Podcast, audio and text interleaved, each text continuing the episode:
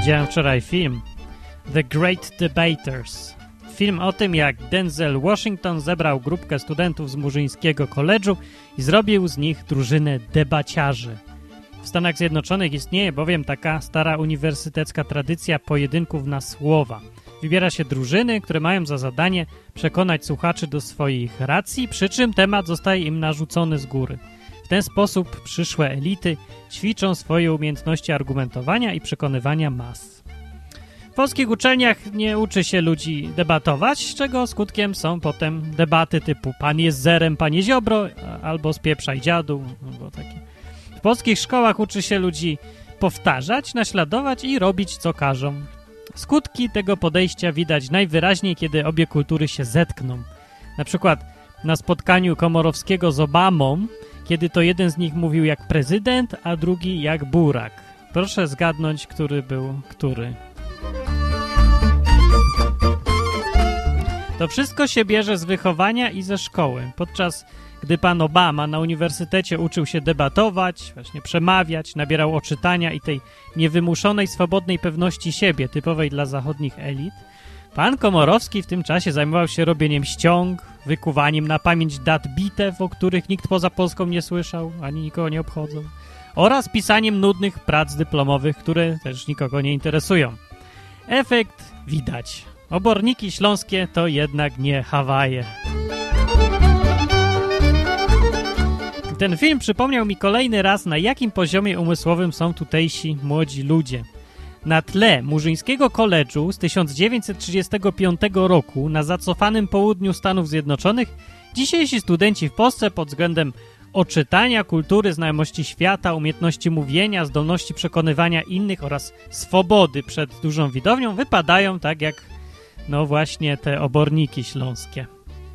Coraz częściej przypomina się fragment z trzeciego rozdziału Księgi Izajasza. Cały ten rozdział tak bardzo pasuje do dzisiejszej Polski, że gdyby zmienić Juda na, na Polska, e, a Jerozolima na Warszawa, to by można to opublikować pod tytułem Raport o stanie państwa 2011. E, fragment mówi tak. Zaiste, oto Pan, Pan zastępów odejmie Jerozolimie i Judzie wszelką podporę – cały zapas chleba i cały zapas wody, mocarza i wojownika, sędziego i proroka, i wieszczka, i starszego, pięćdziesiątnika, i magnata, radnego, i biegłego w magii, znającego czary.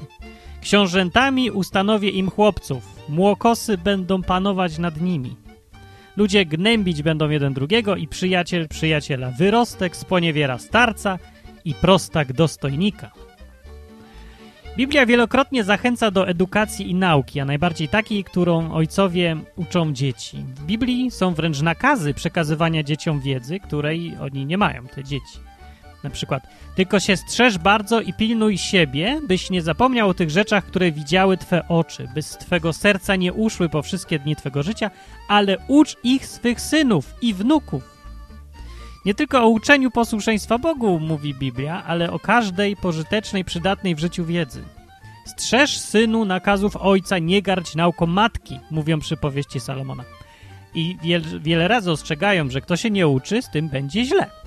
Głupcy odrzucają mądrość i karność, mówi Salomon. Z jakiegoś powodu w Polsce przyjęło się, że cały proces nauki sprowadza się do zapamiętywania informacji. Kto więcej wie, ten jest mądrzejszy. Kto więcej wykuł, ten ma lepsze wykształcenie. Gdyby tak było, to mój zegarek powinien mieć tytuł magistra, bo na karcie pamięci zmieści mu się całe 5 lat studiów. A jak wymienię kartę na lepszą, to i doktorem może zostać.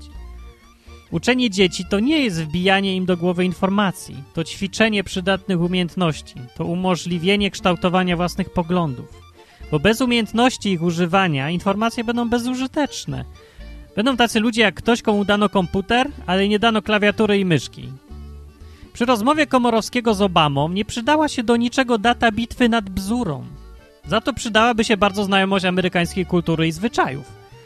Parę klasycznych książek przeczytanych po angielsku miałoby przydatność nieporównywalnie większą niż rok pisania pracy magisterskiej. A tak to wyszedł taki chłopek roztropek po studiach, który się wyrwał na chwilę z jedynego świata, o jakim ma pojęcie i, i chce teraz zrobić wrażenie. I to jest obraz polskich elit, bo jaki prezydent, taki kraj.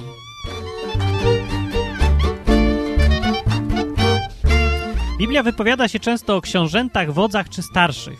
Ich odpowiednikami dziś są dziennikarze, artyści, publicyści czy wyżsi urzędnicy. To o nich pisałby dziś Izajasz, zapowiadając, że Bóg pozbawi kraj elit, a na ich miejsce da chłopców. I właściwie to kogo innego miałby dać, skoro nikogo innego nie ma. No wszyscy się uczyliśmy w tych samych państwowych szkołach, które nam powbijały dużo wiedzy, ale niczego pożytecznego nie nauczyły.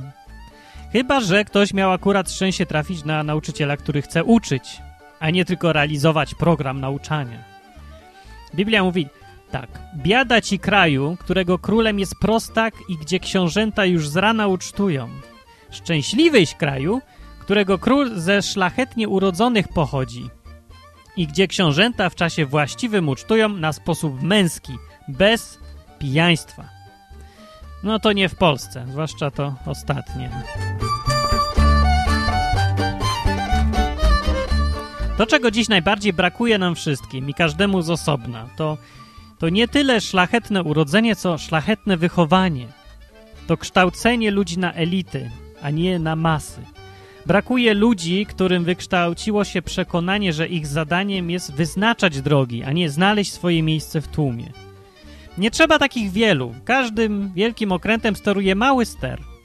Jeżeli mamy więc okazję kogoś uczyć, no to uczmy. Jeżeli sami jesteśmy gotowi się uczyć, uczmy się. Uczmy się. Nigdy nie jest za późno, chyba że człowiek sam się podda. Zrezygnowani ludzie, naśladujący innych, których jedyną ambicją jest przetrwanie, a głównym celem własny brzuch. To nie musimy być my. Bo to przecież nie jest jedyne, co jest dla nas dostępne. Życzę sobie więc więcej elit. Chciałbym widzieć, jak wyłaniają się spośród nas, czytających ten tekst albo słuchających. Bo skąd by się mieli brać? Z liceum w obornikach? Oby więcej było ośrodków takiej edukacji, takiej edukacji, która jest w stanie z naturalnych zdolności i talentów ludzi stworzyć mądrych przywódców, gdziekolwiek ich w życiu wiatr poniesie. Ludzi umiejących wpływać na innych, świadomych bycia kimś, kto wyznacza innym drogę i wiążącą się za to przed Bogiem odpowiedzialnością.